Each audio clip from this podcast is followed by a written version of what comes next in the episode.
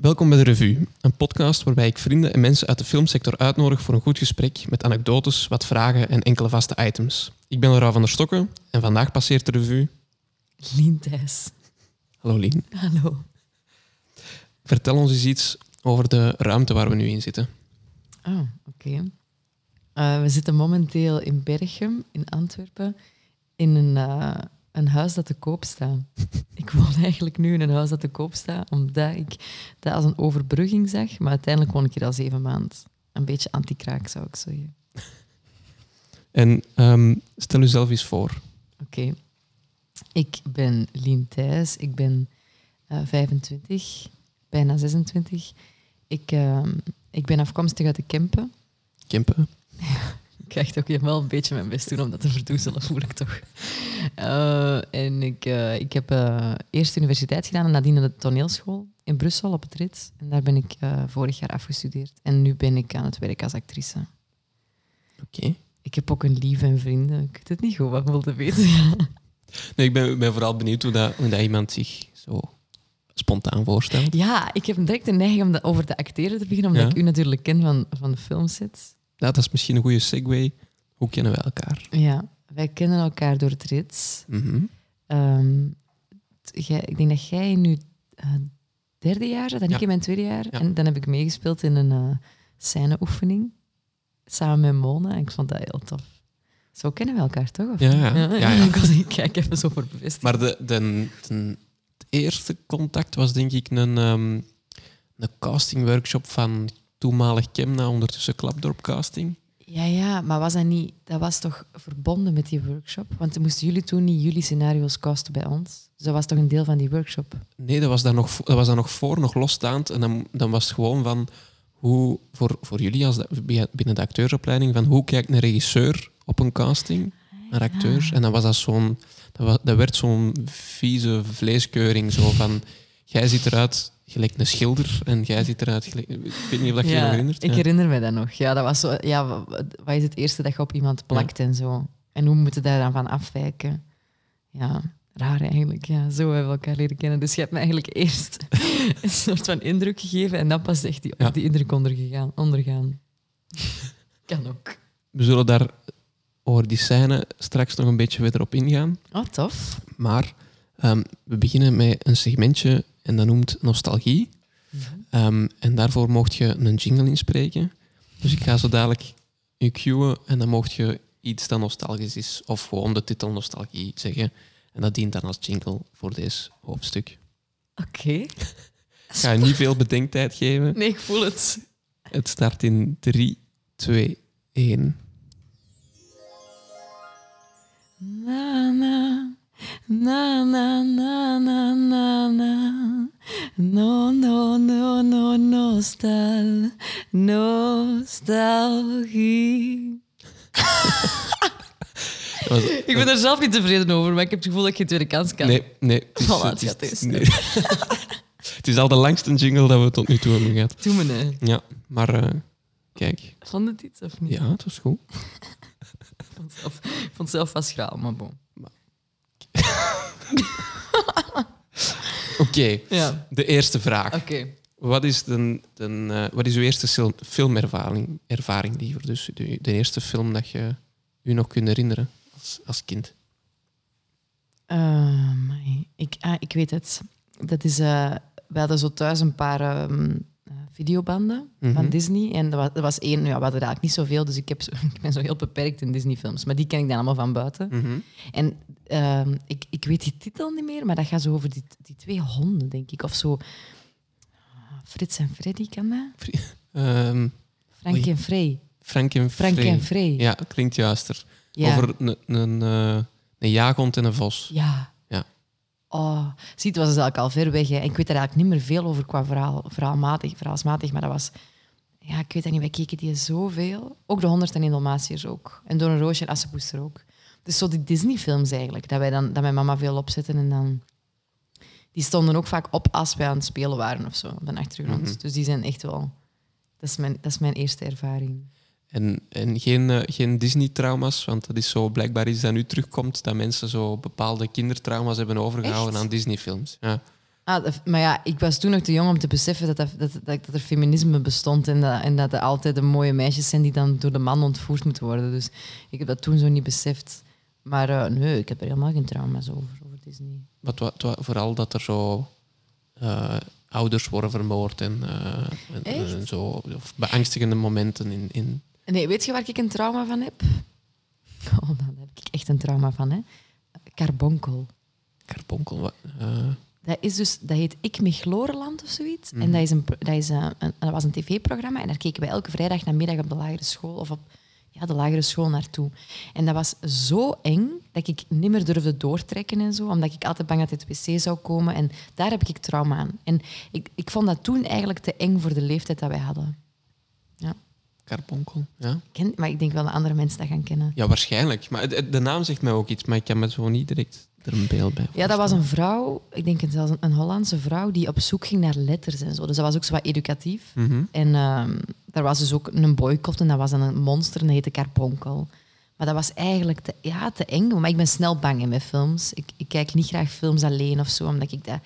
Ik heb altijd de bang dat die toch ergens tot leven komen in een, in een huis dat je dan woont of zo. Dus, maar toen was ik echt veel te jong om Carbonkel te kijken. En ehm, wat is de, de eerste film dat je in de cinema hebt gezien? Amai. Dat je je nog herinnert? Ik weet niet, ik weet niet welke, maar dat moet zeker een Vlaamse geweest zijn. Want ik weet dat mijn, ik en mijn ouders en mijn broer en ons gezin, Mhm. we gingen altijd met kerstavond naar een Vlaamse film. En dat is zo'n traditie. Die we eigenlijk nog maar net hebben ingeruild voor restaurant en wijn, maar dat hebben we echt wel jaren gedaan. En dat was fantastisch. Dus ik denk dat dat een Vlaamse film moet geweest zijn. Maar ah, ik denk dat dat zelfs... ehm, ah, wacht, hoe heet dat met die voetballers waar Natalia zo de soundtrack van inzingt? Zo, I only just begun to fight. De voetballers. Teen Spirit. Ah ja, ja. Qua Spitsbroeders zeggen maar. Nee, nee, nee, echt veel, maar Ja, jonger. Hè. ja, ik Teen denk Spirit. Teen Spirit. Dat is een, een vroege filmervaring. Ik vond dat toen fantastisch. Wie doet daar weer in mee? Ja, die met zijn krullen. Ik, eh, wacht, hè. ik denk ook Philip Peters eigenlijk. Ga je rap spieken, hè? Ja, ik zie het al. Ik dacht zo, mogen we dat nu zeggen? Dat je stiekem gaat spieken of ga je nou zo ineens name-dropping doen? Nee, maar dat zijn zo acteurs die nu al... ah, ik heb het gevoel dat daar niet meer echt veel acteurs in zitten. Ah, wel, Michael Pas. En ik denk, Ja. Michael Pas en... ehm staat er maar op? Ik weet, die is nog aan het laden, ik weet het niet. Ja. Heb jij internet? Maar ik zit op de Proximus Smart Wifi. Michael Pas en... eh, wat zei ik net? Philip Peters, denk ik. Die twee deden mee. Ja, dat was dus een film over ehm, een voetbalploeg, denk ik, met allemaal met vrouwen ook. Dus, oh, ik denk dat dat niet veel voorstelde, maar dat was wel... Ik denk dat daar zelfs een eerste en een tweede film van gekomen is. Is dat niet van Jan Verrijen? Ja, dat zou kunnen. Wacht, hè. Oh, het is geladen. Eh, Jan Verheijden, ja. Ah, voilà. Goed. Oei, daar is ook een, serie van gekomen. Ah ja, dat kan wel. De film is van 2000. Dus jij Yes. was toen zeven? Nee, even rekenen. Eh, het is nog altijd aan het 19 eigenlijk, hè. Zes. Zie je, dat is toch een vroege herinnering. Ja. Team Spirit. ja. Kent jij dat niet? Ja, ik, ik ken de film, maar ik heb hem nooit gezien. Wat is uw eerste filmervaring? Ehm, dat, dat heb ik in aflevering 1 gezegd voor de aandachtige luisteraars. Mm. Maar eh, dat was ehm, Toy Story 2. Ah. En ik heb die niet eens volledig gezien. Oeh. Ja. Dus was ik bang geworden. Maar ja, ik was toen drie of, drie of vier of zo. En dan de zaal uitgegaan? Ja, Nee. Ja, Eh, papa. En die is, die is ermee akkoord gegaan. Zo, oké, we hebben betaald voor de film, maar we zijn weg. Maar ja, blijkbaar. Oké, Ja. dat is spe- speciaal. Maar ik weet niet, dan de volgende film in de cinema, dat weet ik dan niet specifiek of zo. Ah, ik heb hier de lijst, we zullen hem eens even overlopen wie er erin meedoet. hè. Ja, ik ben benieuwd. Axel Dazeleijer, Ah ja, Dimitri Leu, ja. Geert Hunaerts, Tania Kloek, Michael Pas, Filip Peters, Peter van den Begin, Ma- Matthias Sercu, Tom van Landuit, Tom van, ah ja, Tom van Landuit, Anne de Nolf, Tine Rijmer, Arnold Willems, Ilse de Meulemeester, Vic de Wachter en Katrien de Ruischer. Zie je, zijn toch een paar namen dat je niet meer veel hoort, hè? Ja. Ja, ik vond dat toen een coole klik. En het gaat over het leven van voetballers die in een kleine ploeg bij het Liefhebbersverbond spelen. Punt. Oké, wat een beschrijving. Wikipedia, fijn. Ja. Ja, dat als eerste film ervan. En we weten nog hoe dat je daar tegenover stond als je die waard gaan zien? Bij het feit dat je het tof vond? Ik was verliefd op al die voetballers. Al die, Ja. allemaal tegelijk. Ja. Nee, nee, ik had wel mijn favorietjes. Ik, eh, ik was er verliefd op zo. Ik vond dat wel tof en dan zo.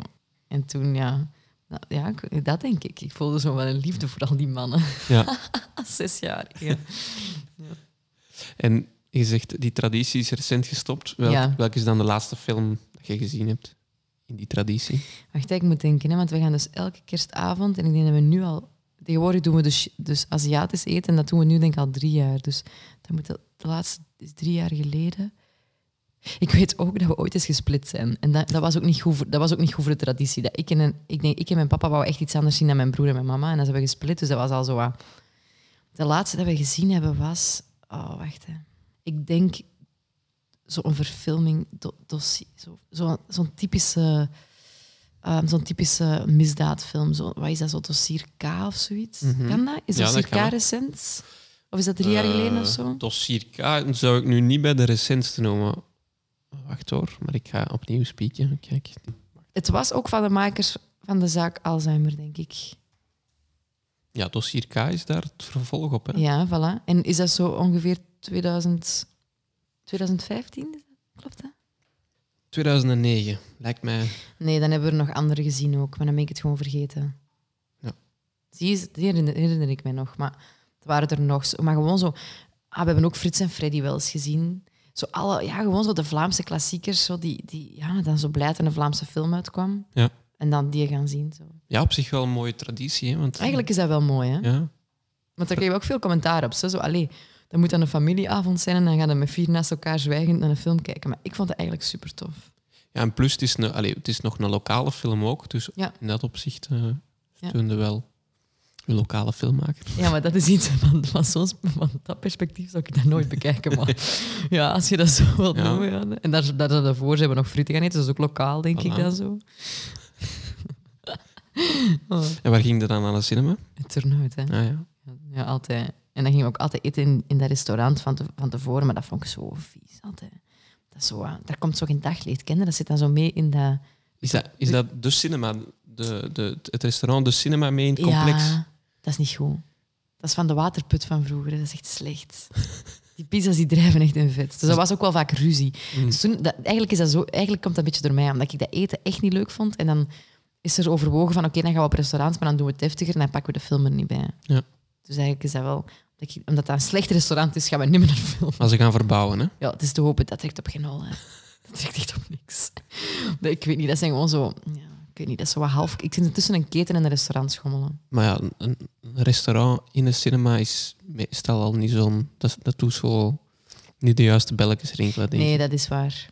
Het is eigenlijk, dat is eigenlijk geen goede optie. Dat is als je zo naar een pretpark gaat. Dan weet je ook dat gaat, qua catering gaat dat hier niet. Niet fantastisch, hè? Voilà. Wat is de laatste film dat jij hebt gezien buiten uw Vlaamse filmtraditie? In de cinema. Ja. Of op tv. Maar het mag ook op tv zijn geweest. Want ik, kijk, ik heb geen tv, maar ik kijk heel veel zo op online. Hè. Mhm. Ah, Ik ben nu met de Michael Jackson bezig, maar dat is vier uur. Maar dat is een documentaire, dus dat is anders. Daar ben ik nu mee bezig. De laatste... Maar zeg, zo'n vraag had ik eigenlijk van tevoren moeten over nadenken, want dat zit echt ver weg. De laatste film dat ik gezien heb is... ehm, Oh my, ga je moeten teleurstellen. Teleurstellen met een titel? Of Nee, nee, nee, nee, nee. Niet, met, niet met een titel, maar gewoon dat ik het niet meer weet. Ik zou gewoon in mijn zoekgeschiedenis moeten kijken. Of in de cinema? Ligt dat nog verser in uw geheugen? Wat je in de cinema hebt gezien? Ja, ik ben pas naar de cinema geweest. Wat heb ik nu gezien? Ik denk weer een Vlaamse film. Maar ik, misschien is dat ook omdat ik met acteren bezig ben. Ik ben zo benieuwd altijd wat er uitkomt in Vlaanderen. Ehm, ik ben met Matthias, met mijn lief, gaan kijken naar... Oh my, echt schaamtelijk. Ik weet dat niet meer. Wij zijn naar een film gaan kijken. Ah, ik weet het. Wij zijn naar eh, Beautiful Boy gaan kijken. En naar Ah. Girl. Dat Ja. zijn de twee laatste films dat ik van de Vlaamse makers echt wou zien. En wat vond je van Beautiful Boy bijvoorbeeld? Van Felix? Eh, ja, ik vond dat schoon. Ik heb er hard van genoten. Ik vond hem fantastisch. Ja. Ja? Ja. Dat, is goed, dat is goed dat je dat zegt, want ik heb ook veel kritische noten gehoord. Zo. Dat dat zo op, op, op het wenen was uitgewerkt en dat je, zo, dat, dat, dat je voelde van ik moet hier gaan wenen en zo. Maar ik had daar niet zo... Oh nee, dat had ik ook niet. Nee. Nee. nee. Ah, ik weet welke film dat ik over laatst gezien dat ik echt fantastisch vond. Zeg het eens. Die zwart-wit film, dat ook voor de Oscars genomineerd was. Eh, Cold War. Nee. Oei. Eh, Roma. Ja. Ah ja. Oh. Ik heb, ik heb Roma nog niet gezien. Laurent, Ja, ik weet het. als filmkenner kan dit niet, hè? Het staat op mijn lijstje. Het staat Ja. op mijn, maar mijn lijstje is lang. Maar ik, ik, sorry, ik verander van onderwerp. Maar dat is eigenlijk een van de laatste films dat ik dacht, wauw, Wacht, Roma of eh Beautiful Boy? Roma. Oké. Beautiful Boy vond ik ook goed, maar niet om te zeggen dat dat, eh, dat, dat echt zo wauw was. Dat is wel iets dat, je- dat ik nogal heb gezien, maar ik vond dat wel voor, een- ja, gewoon een Vlaming die naar hinder trekt, die een Timothy schaakt. Want ik vind dat echt een, ik vind dat een fantastische acteur. Ik denk dat die, die vorige film met Timothy, Call Me By Your Name, Ja. dat is echt een van mijn lievelingsfilms. Dus ik Ik zie heb die... ook nog niet gezien. Amai, maar dat, is, dat vind ik echt een schande. Ja, ik weet het, Die Roma vind ik geen schande, maar dat vind ik echt een schande. Want dat is een van de mooiste films dat, dat echt uitgebracht is. Dat, is. dat is een film dat ik elke minuut van de dag zou kunnen kijken. Ik weet niet meer waarover ik moet babbelen. Moet ik nu over Roma babbelen? Of Call Me By Your Name? Of over Girl? Of over uh, Ah, wel, we, zullen, we zullen beginnen met Beautiful Boy. Ik voel het, daar wil je het over hebben. nou, nee, ik, moet, ik, ik denk dat het meeste dat ik erover. Allee, ik, vind gewoon, ik vond het een goede film. Ehm, Steve Carell geloofde ik ook wel, want daar had ik wel schik voor in het begin. Er is één moment dat ik, dat ik even zo, dat zo de comedy-kant terug eh, kriebelde bij mij of zo. Maar ja, nee, een heel, een heel integere, goed gedoseerde film, vond ik Ja. persoonlijk. Ja, ik ook. En ik vond het ook schoon dat je... Ja, je weet wel dat je over verslaving gaat en zo, maar dat je dan... Je voelde wel echt, echt hoe moeilijk dat, dat is. En dat vind ik wel fijn om te voelen. Dat je, zo, dat je niet zo denkt, ja, ja. Maar dat je echt denkt van, amai, shit, jong. Als je echt één keer die wereld hebt gezien en je, je, je vindt nooit meer die voldoening in de normale wereld, hoe erg is dat dan? Mhm. Ik zou er ook aan vasthangen dan. Als je weet dat er een wereld is waar je gelukkig bent en dat je die in de dagelijkse realiteit niet meer terugvindt. Ja. Hij wordt wel, allee, met, met de, de datum van zijn release, wordt hem heel vaak vergele- vergeleken met Girl. Mhm. Hoe vond jij Girl, in- ja, ik mag hem nu niet zeggen in verhouding met, maar wa- wat was uw, wat was uw filmervaring bij Girl? Oh, ik vind die totaal anders. Ja, ja, inhoudelijk zijn ze totaal anders, hè, maar, maar ze worden zo, qua release datum stonden ze zo naast elkaar en dan werden ze zo... Ah, ik begrijp die vergelijking niet. Het enige dat ik daarin voel is dat dat dan twee Vlaamse filmregisseurs Ja. zijn. Maar nee, want ik vind Girl veel meer... ehm, Girl is wel de filmstijl dat ik het leukst vind. En dat, zo, dat zit zo tussen voor mij een beetje tussen documentaire en film. Ik kan dat niet goed uitleggen. Er wordt zo gespeeld, zo gelijk bij Home. Ja. Er wordt gespeeld op een niveau dat je niet weet of dat improvisaties zijn die dan net zijn vastgelegd, of dat dat eigenlijk scripted is. En dat vind ik heel interessant. En dat vind ik bij Girl ook, terwijl bij Beautiful Boy voelde echt wel dat dat... Allee, ik weet dat niet, hè, maar ik voel, allee, mijn, mijn gevoel zegt dat dat veel meer uitgeschreven is en dat dat veel meer vooraf bepaald is. Terwijl bij Girl, ik, ik vind dat, dat is een soort van... ehm, act, ja, ik kijk naar een acteren vaak. En naar een acteren dat zo... Ja, dat zo heel hard... eh, dat raakt heel hard zo de realiteit en dat heeft zo het documentaire in zich. En dat, die personages zitten ook echt... Ik heb het gevoel dat dat ook echt dicht bij die mensen zit dat dat speelt. Mhm. Dat dat zo, ook zo was. Ja, ik vergelijk dat een beetje met Home. Ik vind dat een beetje dezelfde stijl qua film. Zo, je voelt zo, dat zijn, ook, dat zijn ook die mensen. Ik heb het gevoel als ik die nu act- die acteur, dan die Victor, Victor, Victor. Polster. Ja. Yes, ik heb dat gezegd. Als ik die nog eens ga zien, dat ik die toch weer aan Girl ga, ga linken, omdat dat precies toch echt ook hij was. Of, of ja, zij in de film. Mhm. Maar dat vind ik interessant. Maar dat, Limiteert u dat ook niet dan als acteur of neemt dat net niet u een gedeelte van wat acteren is weg van als jij de rol zijt? In Ja. welke mate? Ja, ik snap. Ik, ik, terwijl, dat, terwijl ik het zei, was ik die vraag ook aan het denken. Van ja, shit, zet dan voor de rest van je leven die rol? Dat vind ik een moeilijke vraag. Want ik, ik zie ook wel graag mensen die transformeren. Ik ben benieuwd. Ik zou, zo die, ik zou echt die spelers van Home wel eens in een nieuwe film willen zien. Om, want ik denk dat die dat zeker kunnen. Hè?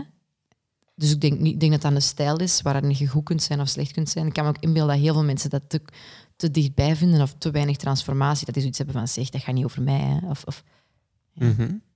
Heb je dat zelf al ervaren voor een, voor een, rol? Misschien eerder op de, op de planken dan dat je dichter bij jezelf staat dan dat goed zou zijn of zo? Allee, of dat je te, te ver in je eigen privékeuken bent aan het roeren in plaats van in dat personage.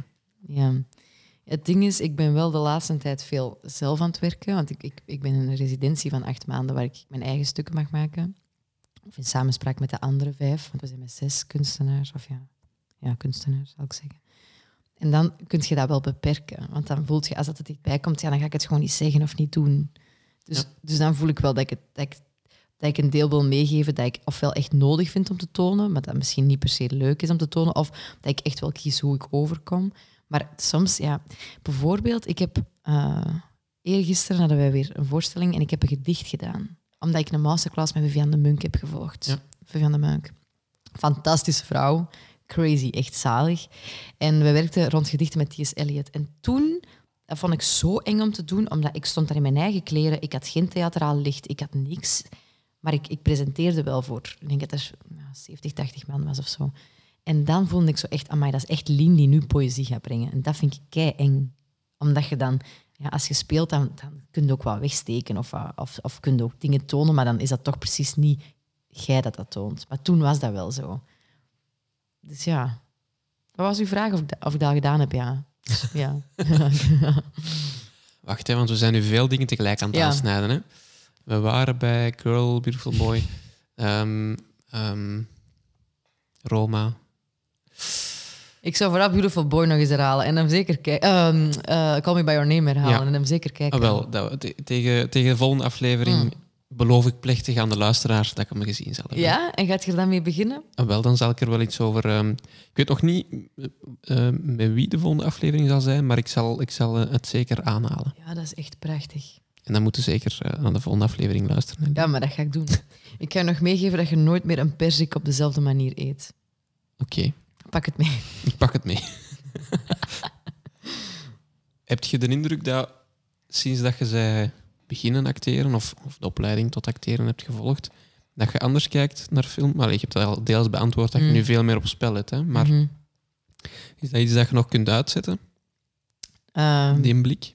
ik kan dat uitzetten als dat, als dat niet Vlaams is. Ah ja, Ik weet niet waarom. Omdat ik zelf niet zo goed... Ik ben niet zo goed... Ik, ben niet zo goed, eh, ik kan zelf niet zo goed Engels, zal ik zeggen. Ik heb ook die ambitie niet of zo. Castings in het Engels sla ik ook over, omdat ik daar niet goed in ben.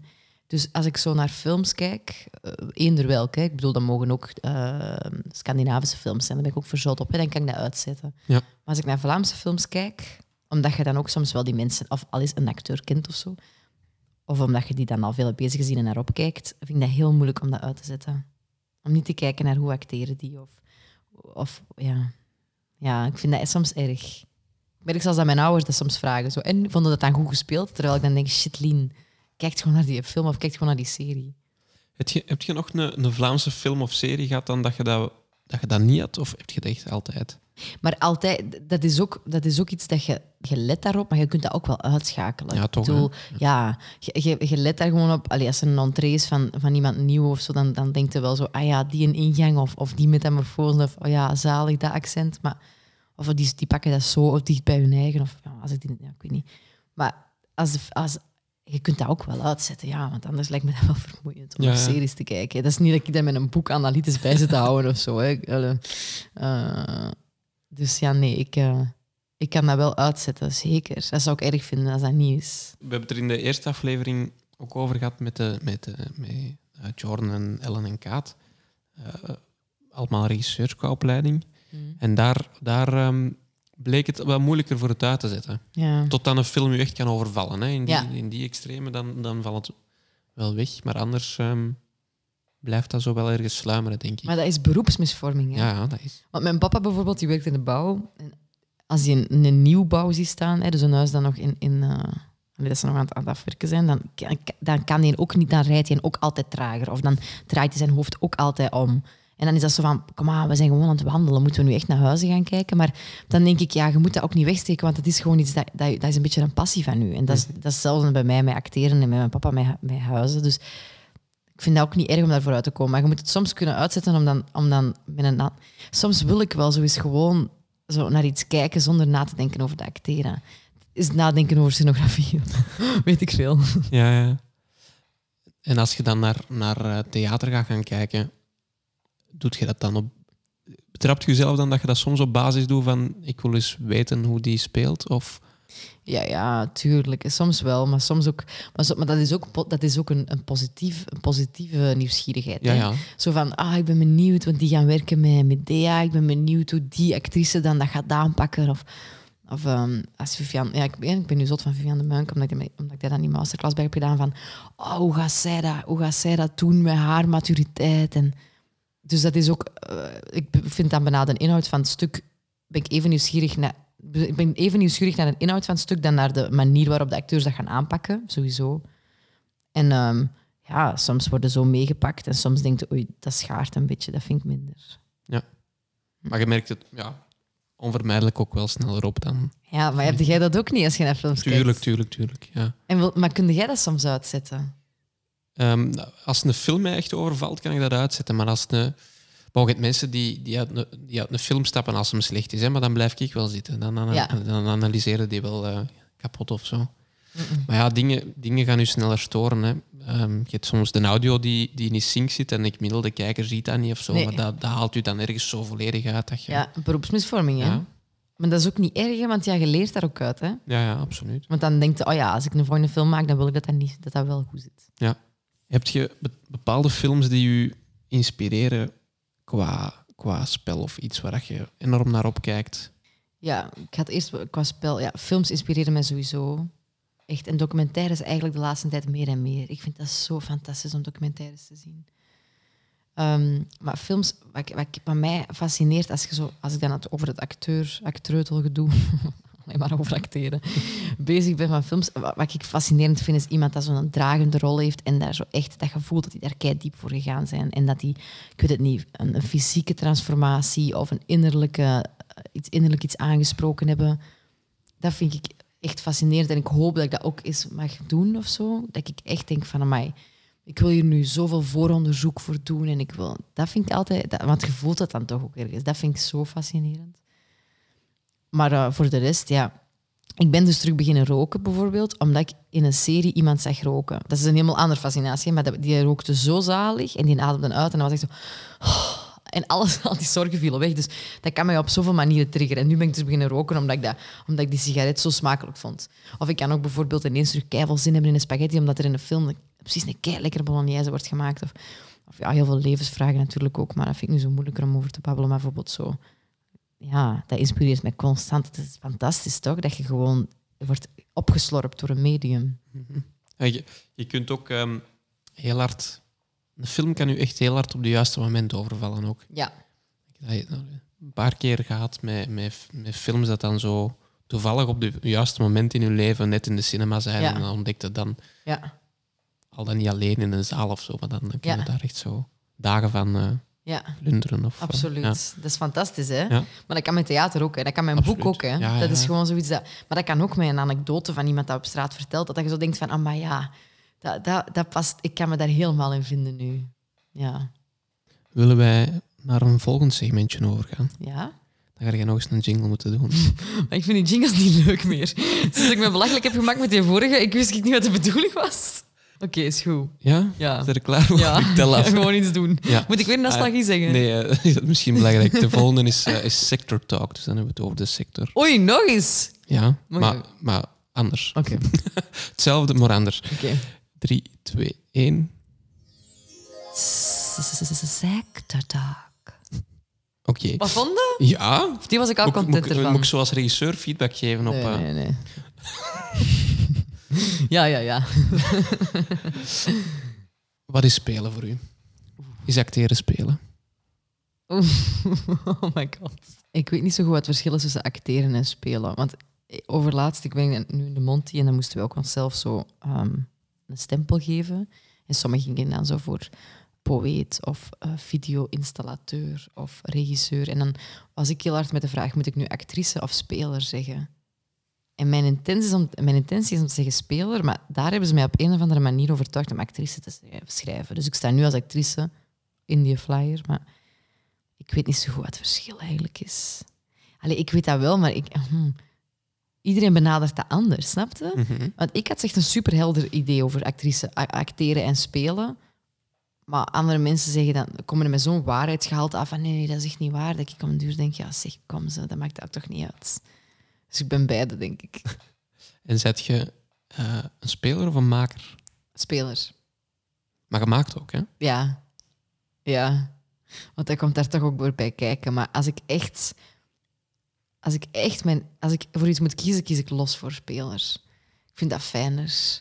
Ik heb ook het gevoel dat, daar meer kun, allee, dat ik daar meer eh, kunde voor heb of aanleg. En dat, ik denk dat er zoveel meer mensen zijn die beter maken als ik. Dus dan geef ik dat liever uit handen. Hoe, hoe ga jij te werk voor een rol? Allee, dat verandert sowieso van rol tot rol, hè? maar heb jij een algemeen stramien waar, waar dat jij... Nee. Nee, omdat ik ehm, de laatste tijd met zoveel mensen heb samengewerkt. En bijvoorbeeld met Lazarus of Abattoir Fermé. En die hebben al zo'n verschillende aanpak. Dus ik laat me dan ook... Ik laat mij ook heel graag leiden door mensen. Dus, en dan zelf zien wat ik daar het, eh, het, eh, hoe, hoe ik daar het, het beste uit kan halen. Dus zo, sommigen willen direct op de vloer en dan ga ik direct mee op de vloer en dan zoek ik van daaruit. Of sommigen willen er eerst over praten en dan praat ik mee. Dus ik vind het eigenlijk heel fijn om eh, mensen mijn uitgesproken mening te volgen en daarin te kijken waar dan mijn sterktes liggen. Dus ik heb echt totaal geen, ehm, geen eh, vaste manier om een rol voor te bereiden. Misschien moeten we, eens- moeten we eens even inpikken op, ehm, op onze setervaring samen. Tof. Ehm, wat, wat herinnert je eh, het meeste van die, van die scène die we samen gedaan hebben? Om even te kaderen, het is, eh, het is een eerste atelier in Trits, is een, eh, een korte scène die dat je met de richting drama dan eh ineenzet. Ehm, en de scène ging over een... maar misschien moet jij het vertellen, hoor, wat ging de scène? Ja, zeg, dat is keihard lang geleden. Ik ga dat nooit zo goed vertellen als jij. Over ehm, twee zussen, Mhm. Waarvan de ene zus besloten heeft om te vertrekken. En dat was dan Mona en ik was de zus die, die dat aan te weten komt. Want zij is een boek aan het lezen eh, met Arabische letters of zo. Waardoor ik door heb, shit, jij gaat jij echt weg. En die confrontatie, Ja, klinkt, klinkt cryptisch nu. Het, had te maken... Wacht, hè, wow, ja, het, de film zat... Nee, het is niet eens een film, hè. de scène zat iets te complex ineen. Maar, eh, maar Mona ging, eh, ging trouwen en bolde het daarom af. En, en Lien probeerde haar tegen te houden. ja. Heel rudimentair gezegd zijnde. Hm. Wa- maar wat blijft u het meeste bij van, ehm, van die scène? Want ik Ik- weet, ik weet dat je toen heel zenuwachtig was. bijvoorbeeld. Ja. ja, omdat ik één, u waardeer als regisseur, dus dan wil ik mijn best doen, dus dan ben ik zenuwachtig. En twee, omdat ik eh, iemand speelde dat keiver van mij stond. Ja. Ik had ook mijn... Ja, mensen weten dat niet, maar ik heb keiveel krullen. Ik had ook mijn haar helemaal gesteld. Dat gebeurt dat is in mijn leven nog maar vier keer gebeurd. Dus ik voelde me ook iemand anders en ik was zo klassiek gekleed. Ik was ook zo bij vriendinnen in, in de campen zo outfits gaan die ik nooit zou kiezen. En ik speelde ook zo aan, zo aan een, een braaf zeutken of zo. Maar ik ben nogal verpaal en dat zo hard. En, en ik moest dat zo wat terugtrekken. Mhm. En dat vond ik kei spannend. En dat vond ik eigenlijk ook supergoed ges- geslaagd eigenlijk. Als ik naar mezelf kijk hè, en naar Ja, de scène, dan denk ik zo... Ah ja, dat, is, dat was echt Julieke zo. Maar de, in zekere zin speelde de scène wel in op iets waar je... We, hebben samen ook toen een scenario-workshop gehad. Hè? Mhm. En je was toen heel hard bezig met het kleinburgerlijke van de Kempen. Mhm, En ik had, in zekere zin speelde die scène daar ook enorm op in. Ehm, is dat iets wat je nu nog meedraagt? Zodat, want ik weet dat je daar toen... Ja. Voor mij kwam dat over dat je daar heel gepassioneerd iets over Ja. wou vertellen toen.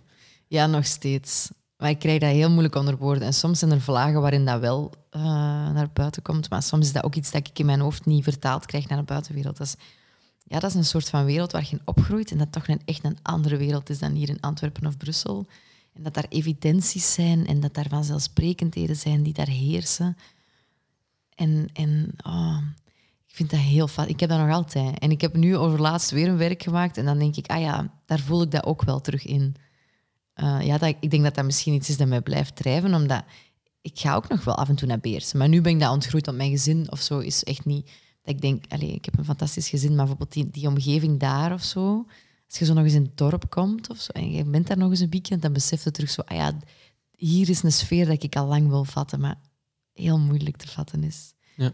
Ja, bijvoorbeeld Bevergem, ik haal dat altijd aan. Die, die hebben voor mij iets te pakken dat ik me heel hard in kan vinden. In een soort van dorpsleven. Dat, ja. Maar het is... Het is Allee, ik, ik denk dat ik er in zekere zin op resoneer, omdat ik ook van een, letterlijk een dorp verder ben. Mhm. En dat daar wel dezelfde sfeer zal hangen. Maar ik denk dat Bevergem daar nog... Bevergem vat iets van een dorp, maar ik denk nog lang niet ehm, zozeer dat... dat eh, klein, klein- ja, ik noem het kleinburgerlijk, Mhm. maar het overstijgt dat ook hoor. Ehm, die, die, ja, die ongeschreven conventies en die, die, die, die, die regels die daar zo boven iedereen hangen van, van eh waar en het revue, zo het, eh, ja, Keeping Up Appearances. Ja. Dat, nu ook een, dat zit ook een beetje in, in, mijn, in mijn laatste film nu, in Papa brengt de wereld mee. Zo dat beeld van, dat je naar voren wilt schuiven. Ja. Nee, ik vond dat toen heel boeiend voor, voor mee te pakken in die scène. En dan maar heel hard uit te vergroten dan. Hè, Ja, in de ja. vorm van, van Julie. Was het, wat noemde het personage Julie? Ja, ik was Julie. Ah, en, en hoe noemde Mona? Dat weet ik niet meer. Julieke, maar nu, nu dat zegt, herinner ik het mij ook. Was er iets qua, qua setervaring dat je daar hebt vastgehouden of zo? Dat je het meegedragen? Ja, ik weet dat ik op het einde zo emotioneel moest zijn. Mhm. Ik weet dat nog supergoed, want dat was ook met zo'n dolly en al. Want dat was allemaal voor mij zo nieuw. hè. Dat was eigenlijk mijn eerste echte, ja, hoe zeg je dat, eh, set waar, zo, waar niet gewoon een cameraman was en een geluidsman, maar ook ik echt zo op alles werd gekeken. En ja, een professioneel set waar dus een, een dolly was. Een Maar dolly. plus, je hebt wel, je hebt wel de, de traagheid van zo'n studentenset, eerste atelier. Dus dat is zo. Ja, jij bent professioneler als ik hè, op dat gebied. Is dat, is dat, hing daar zo'n studentensfeer? S- Maar de sfeer was wel... Allee, iedereen probeerde zo professioneel mogelijk te zijn, maar ja, een setup van een dolly duurt als student een half uur, daar waar dat, dat professioneel soms, soms sneller kan gaan. Ja, ja oké, nee. Eh, en wat mijn ervaring was, dat, dat was zo de- al die techniciteit. Ik, ik ben zo gewend om op theater, dan moest je gewoon in ene slag pakt iets vast en je trekt die streep door. En daar moest ik dat zo door technische redenen zo in stukken en kappen doen. En dat vond ik wel echt... Dat, dat was mijn eerste ervaring met zo, ah ja, tuurlijk, je moet eigenlijk gewoon in jezelf, in, voor jezelf die scène eh, in een boog trekken. En je moet ze gewoon daar af en toe spiesjes uithalen en die dan spelen en hopen dat dan die een boog getrokken is over die scène. Terwijl bij theater is dat een evidentie, want je bent in het hier en nu en je speelt dat in één, in één eh, ruk door. En dat, dat, dat heb ik toen voor het eerst echt ervaren. En, en is dat dan dat je iets zou...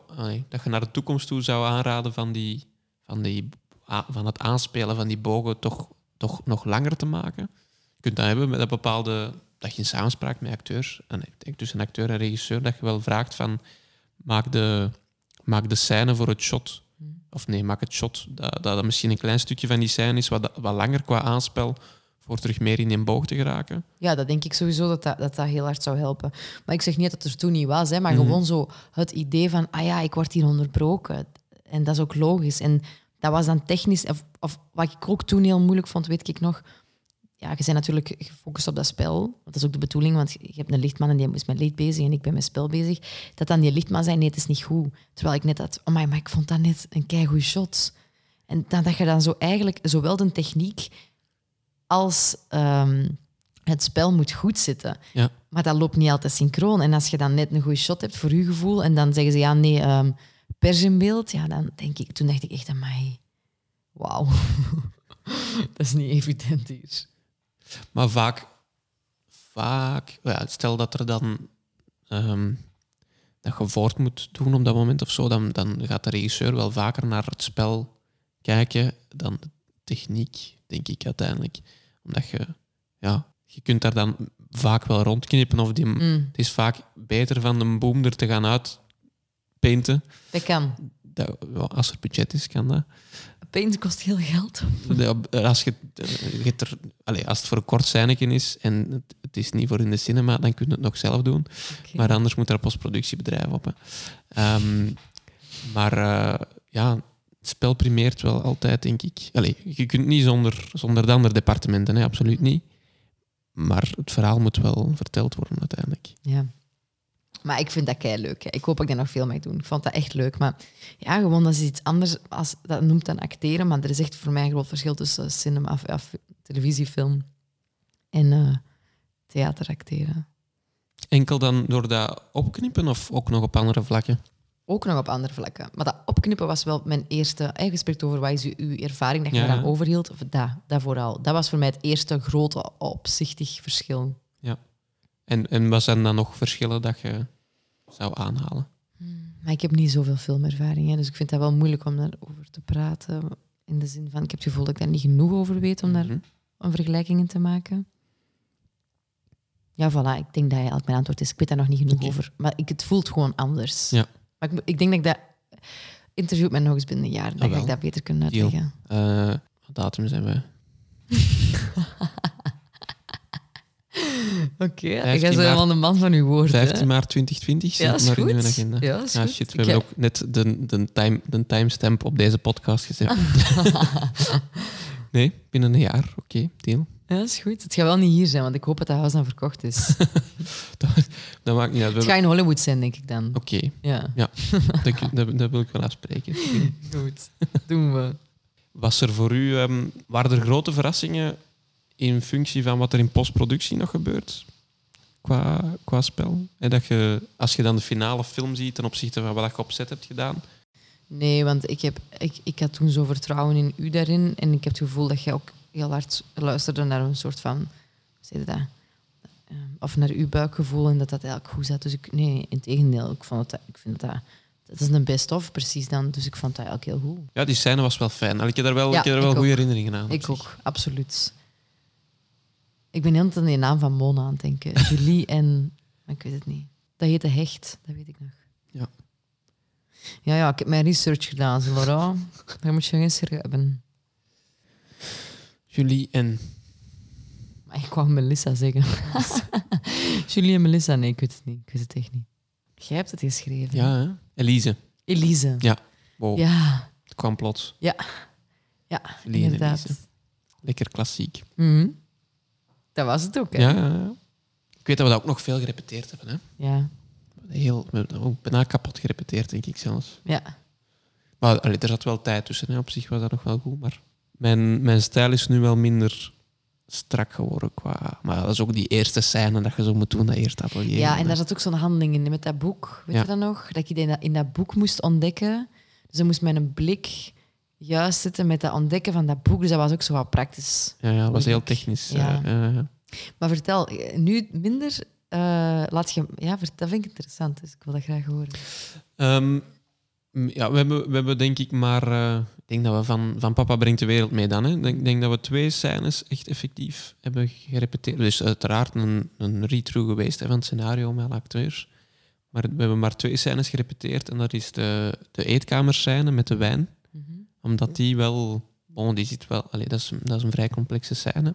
We hebben ons vooral gefocust op die scène. Omdat in die, in die scène zit eigenlijk alles. Heel, heel, de, heel de relatie, heel de machtsverhouding zit eigenlijk volledig in die scène verteld. En dan voor de rest, ja, je doet, je doet op set ook nog wel een doorloop en zo. Hè. Maar eh, ja, ik heb, meer, ik heb meer in de gesprekken met de acteurs dan de personages afgebakend en daar zoveel mogelijk gevoed. En op set nog veel bijgevoed naar, naar waar dat ik naartoe wou of zo. Maar niet, eh, niks technisch praktisch gaan vastzetten van je komt nu door de deur en je Mm. stapt nu naar daar en je pakt een boek af en dit. En, allee, het is eh, organischer geworden of zo. Cool. Dat, dat moet ook wel, denk ik.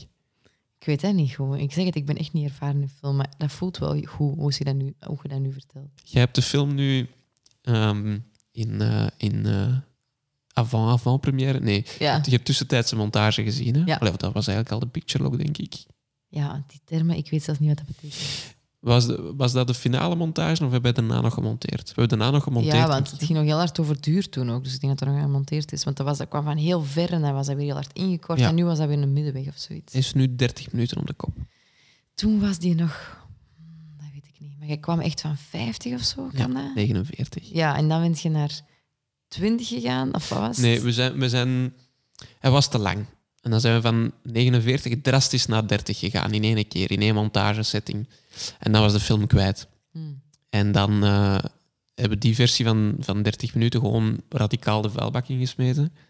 En dan zijn we terug beginnen boetseren van die 49. En zijn we heel or- organisch en, en, en op een natuurlijke manier naar die 30 geraakt. In plaats van zo te zeggen van dat en dat en dan weg. Net gaan voelen van wat hebben we essentieel nodig in het verhaal en wat... Want dat was heel drastisch, hè? Die, versie, die, versie van, eh, die eerste versie van 30 minuten, daar waren personages uit en zo. Hmm. Daar we dan nu eh, de personages er nog in zitten. Niet, niet, even gro- allee, niet even lang of zo, maar wel. Ze hadden allemaal wel een nut en dat is nu wel behouden, denk ik. Hoop ik. Ja. Ja. Ja, ik weet het niet. Ik, ik weet nog wel dat er zo sprake was over personages die weggingen. Er was zo één personage dat toen binnenkwam, dat zo heel kort was en had zoiets pero gehaald. Weet je nog dat ik dat gezegd had? Ah ja, ja, Gerard. Ja. De, de keizer van China. Ja, van de keizermachine. Dus ik weet dat jij toen heel hard aan het knippen waart. Maar ik vond dat toen heel... Maar ik weet niet in welke fase ik het nu in uw verloop heb gezien. Hè. Ik denk de, Vrij tegen het einde toe. toch? de tweede keer van, van 49 naar 30, denk ik. Ja. En dan is het eigenlijk daarbij gebleven. Er zijn nog wel wat dingen aangepast, maar geen grote dramatische... Gerard zit er nog in. Nee. Polke zit er ook nog in. Mm. Nee, ik vond wel... Ik vond toen al... eh, ik, ik, vind, ik vind altijd indrukwekkend. Zijn er spelmatig dingen die u daarin zijn opgevallen of zo? Dat het goed geacteerd is. ik heb dat toen ook gezegd, hè. Ja. Ik had ook het gevoel dat ik daar iets over moest zeggen, want je had allemaal andere mensen van productie uitgenodigd. Dus ik had zoiets van, ja, ik ga dan maar iets over het spel zeggen. Maar ik had daar niet veel over te zeggen. Ik vind dat supergoed gespeeld door, door eh, Violet en Thomas. Supergoed. En ook door de anderen, hè. Door, door de vader en de moeder ook. Allemaal. Kijk, complimentjes. Ja, absoluut. Ja, dat mag gezegd worden, zeker. Is er iets waar dat jij het concreet nog wilt over hebben? Of heb je nog een anekdote van op set toen? Of een, of een setervaring op Trits? Dat ik mee wou spelen bij Robin Tisson en dat ik West-Vlaams moest kennen. En dat ik dat eigenlijk wel begreep. En dat ik dat nu echt een eh, charme vind als acteurs kunnen switchen in dialecten. Dat is zoiets dat ik wel geleerd heb, ook wat ik cool vind. Ik weet niet waarom ik dat nu zeg. Ja. Zijt jij iemand die blijft doorspelen? Ik bedoelde? Je hebt bepaalde acteurs Mhm. die los van... Als ze, stel, voor, voor eh, theater is dat dan die af het podium nog in hun personage blijven. Of op set heb je dat eens te meer, omdat je net met die pauzes tussenin zit Mhm. en die schijfjes hebt. eh, die daartussen nog, nog ja, blijven spelen in plaats van de persoon te zijn, blijven die het karakter. Oei, dat weet ik niet. Maar ik ben supergevoelig aan anderen. Dus ik denk dat dat heel hard afhangt van de mensen waar ik mee zou werken. Ja. Vind je dat zelf? Vind je, heb je daar zelf een voorkeur voor dat je medespelers in of uit personage zijn tussenin? Want soms, Nee, ik denk alleen dat je dat... Nee, helemaal niet. Maar ik denk wel dat je dat onder elkaar wel wat op een gelijke... Ik kan me inbeelden dat de ene er de hele tijd in blijft en de andere eruit stapt, dat dat wel vermoeiend is. Maar als je dat één keer zo wat organisch samen doet, nee, ik heb daar geen voorkeur voor. maar jij kunt die, die knop hard omdraaien of heb jij wel een aanloop nodig? Er zijn er die zo grappen, grappen, grappen en dan klak een knop omdraaien en dan een, serieus, allee, een serieuze scène kunnen spelen. Ja, ik vind dat moeilijk om erop te antwoorden, omdat ik dus echt nog niet zoveel filmervaring Maar heb. dat kan, ik weet niet, gebeurt dat ook niet op theater dat je tijdens repetities even breekt en, en dan ergens terug hard invliegt? Of, of, of Ja, bouwt dat dan tuurlijk. natuurlijk op? Nee, nee, dat, ja, dat bouwt... Ja, dat ligt eraan. Dat kan natuurlijk opbouwen of je kunt dat ook wel ergens gaan zoeken waarin, waarin dat een paar seconden kan opgewekt worden. En je ja, moet uitleggen, dat zoals... Een, je, je, je pakt dat mee in de, in de energie. hè. Dus je, je voelt wel dat je zo ergens heel hard gelachen hebt of dat je ergens heel verdrietig om bent geweest. Dus je kunt dat wel uitzetten, maar dat zit ergens toch... Dat, dat, dat, dat, schemert toch zo wat door in je gemoed. Heb ik altijd het gevoel. Zijt jij iemand die, die, ehm, die heel hard in, in, uw, in uw rugzak of in uw private keuken gaat zoeken voor een rol? Of pakt je het ook ehm, vaak technischer aan? Ik probeer de laatste tijd veel intuïtief aan te pakken. Mhm. Dat is misschien gek, maar om het eh, weinig rationeel, maar intuïtief aan te pakken. En, dan, en daarin kan ik dus ook niet goed zeggen of dat heel dicht bij mij ligt of dat dat dan technisch is. Maar gewoon zo het gevoel van, dit is nu juist. Ja, maar dat klinkt zo fout. Maar ja, ik weet dat niet goed. Maar ik doe echt de laatste tijd veel verschillende dingen. Dus dat is ook moeilijk om echt zo'n een, een, een, een, lijn, een lijn te trekken. Elke keer anders. Ook met de mensen die ik werk. Ik vind dat ook heel belangrijk, dat je het zelf samen naar iets zoekt. Dus ik denk dat dat, of wat iemand van u verwacht, dus dat ligt ook heel hard aan anderen. Ik ga nog eens spieken. Ja, ik vind het spannend. Specifiek voor mij die vragen, of zijn dat ook aan- vragen voor iedereen? Er zijn specifiek en er zijn algemeen. Maar daarvoor gaan we naar de ander moeten luisteren. Zo waar. Blijven reclame maken. Ja, ja. Go, go, go. Wat wilde graag nog maken? Van theater, of van mijn leven, of, Van, van, of een huis, of, of, of, eh, of een cake. laten we met theater beginnen. Huh. Oh, dat is moeilijk, ja. Is er zo één... één Jacques Brel zegt... Hm? Voor je 18 heb je alles gedroomd en de rest van je leven spendeert je om, om een vorm van, van die droom waar te maken. Heb jij zo een droom dat je nog wilt vertellen? Ah, wilt vertellen. Oh, mij. De Jacques. De Jacques heeft wel iets slim gezegd daar. Nee, ik weet het niet. Ik, ehm, mijn droom is eigenlijk gewoon om mijn eh, passie voor theater door te zetten. Op alle mogelijke manieren. En of dat nu in vertellen zit of in louter spelen of in... Ik weet het niet. Ik voel wel wanneer ik het gepassioneerd aan het doen ben. En momenteel is dat zo. En dat is eigenlijk mijn droom om dat zo verder te zetten. Dat is mooi, nee, ja. Oké. ja. Wie is Lien buiten het acteren? maar jong, toch? Ja. Eh, ja, degene dat je nu voor je ziet, zeker? Ik ben nu niet aan het acteren, ik weet het niet. Heb jij hobby's? Oh, ja. Ik ga heel graag op café. Dat klinkt raar, hè, maar dat is gewoon zo. Omdat theater was vroeger altijd een hobby en dat is nu mijn beroep. Mhm. Wat ik echt fantastisch vind. Dus dan, mijn vrije tijd is gewoon heel veel met vrienden en met mijn lief. En lekker eten en drinken met mensen. Dat vind ik eigenlijk, dat is eigenlijk misschien wel mijn hobby. En komt dat dan ergens uit een, een observerende rol aan de acteren? nee, Nee. nee, nee. Soms ook uitzetten. Ja, Echt ja, ja. niet heel mijn leven met acteren bezig. Zot, nee, jong, nee. Nee, nee, nee, dat niet. Gewoon echt uit puur uit, om ook over andere dingen te praten. En om, ik weet niet, liefde tussen mij en mijn vrienden en mijn lief en mijn gezin. En, nee, nee, los van acteren. Echt niet. ik, ik kan ook observeren. hè. Ik vind dat een van de fantastische manieren om tot iets te komen. Maar dan is dat wel puur echt daarvoor. Of, of dat zal onbewust wel eens ergens insluipen. Maar niet dat ik op café ga om te observeren. Nee, nee. En heb je tips voor de, de beste cafés van Antwerpen? Oh ja, echt waar. Geef ze maar. Oh my god, van, ja, waar zijn keiveel- ik kom, ik kom op zoveel plaatsen graag. Eh, ik kom graag op Megasplein, de Korsakov vind ik heel fijn. Ik kom nu net van de Papa Jos. Ja. Vind ik eigenlijk ook echt een fantastisch... Kent je dat? Ik heb ervan gehoord, maar ik, ik weet niet waar dat juist Ja, dat is, in de buurt van de, dat is in de buurt van de NUF. Dat is eigenlijk ook echt een keitof café. De Bazaar hier op mijn hoek vind ik ook echt fantastisch. De Châteleroy op de hoek van de Monty, ook fantastisch. Maar echt, Laurent, heel Antwerpen is het vol. hè. Als ze goede wijn Dus- dus dan... Tegen dat ik verhuis in april eh gaan Dan heb ik een lijstje. Oké, Absoluut. Ça va. Nog hobby's? Buiten op café? Nog hobby's. Ja. Ehm, koken. Ja. Ik kook eigenlijk ook wel graag. Ik heb nu zo'n Otto Lengi boek gekregen. Kent je hem? Nee. Ah wel. Call Me By Your Name en Otto Lengi. dat is echt ehm, ja, dat is een Israëlische kok. Die maakt echt fantastische dingen. Dus zo koken vind ik ook heel leuk. Eten en drinken, ja, dat is echt wel een grote hobby. En wat vind ik nog leuk? Wat kookt je het liefst? Wat is uw, wat is uw specialiteit? Oeh, Hm. aperitief. ja, ik. Zo kleine proevertjes en goede Ja. wijn. Dat, dat is misschien wel wat ik liefst... Omdat ik dat ook het gezelligst vind. Als, je, als ik echt mag kiezen, Ja. dan is het gewoon één aperitief dat uitmondt in een tapasavond en uiteindelijk één lang... Waar altijd duizenden kleine bordjes hebben gestaan. Dat vind ik het tofste. Je kunt er zo één gerecht uitkiezen waar je van vindt dat je dat het beste maakt. Ja, wat nu nog open ligt, vind ik wel... Maar ja, goed maak. Ik bedoel, ah, ik ga niet, ik ga niet loffen... ik- Allee, dat is niet mijn, eh, mijn bedenksel. Maar bijvoorbeeld zo aubergine in de oven Mhm. met anchovies. Allee, dus een aubergine in de oven klaar en gegrild die. Ik ga dat gebied trouwens nog maken. En dan eh, anchovies en salie en een soort van look en, en eh, olijfolie. En dat is een soort van, je kunt dat op zuurdezenbrood eten of je kunt daar vlees bij bakken. Maar dat is echt fantastisch. Want dat is zo zout, maar ook zo dat, dat, dat zachte van zo'n gegrilde aubergine. En salie, kei lekker. We hebben het voor de podcast even over koken gehad, hè? maar Mhm. als, wat, wat, denk je, wat denk je dat ik goed kan koken? Ja, ik Plak vind dat op. moeilijk. Want ik zou dan denken dat jij heel goed klassiekers kunt koken. Ik weet niet waarom. Ik hoop dat jij Ja. goed Aziatisch kunt koken, want ik ben echt wel een fan van Aziatisch eten. Oei. Mm, dat- maar daar heb ik nog te weinig ervaring in, Mm. denk ik. Maar wat ik, wat ik zelf vind dat ik het beste maak, is een, is een tartiflet.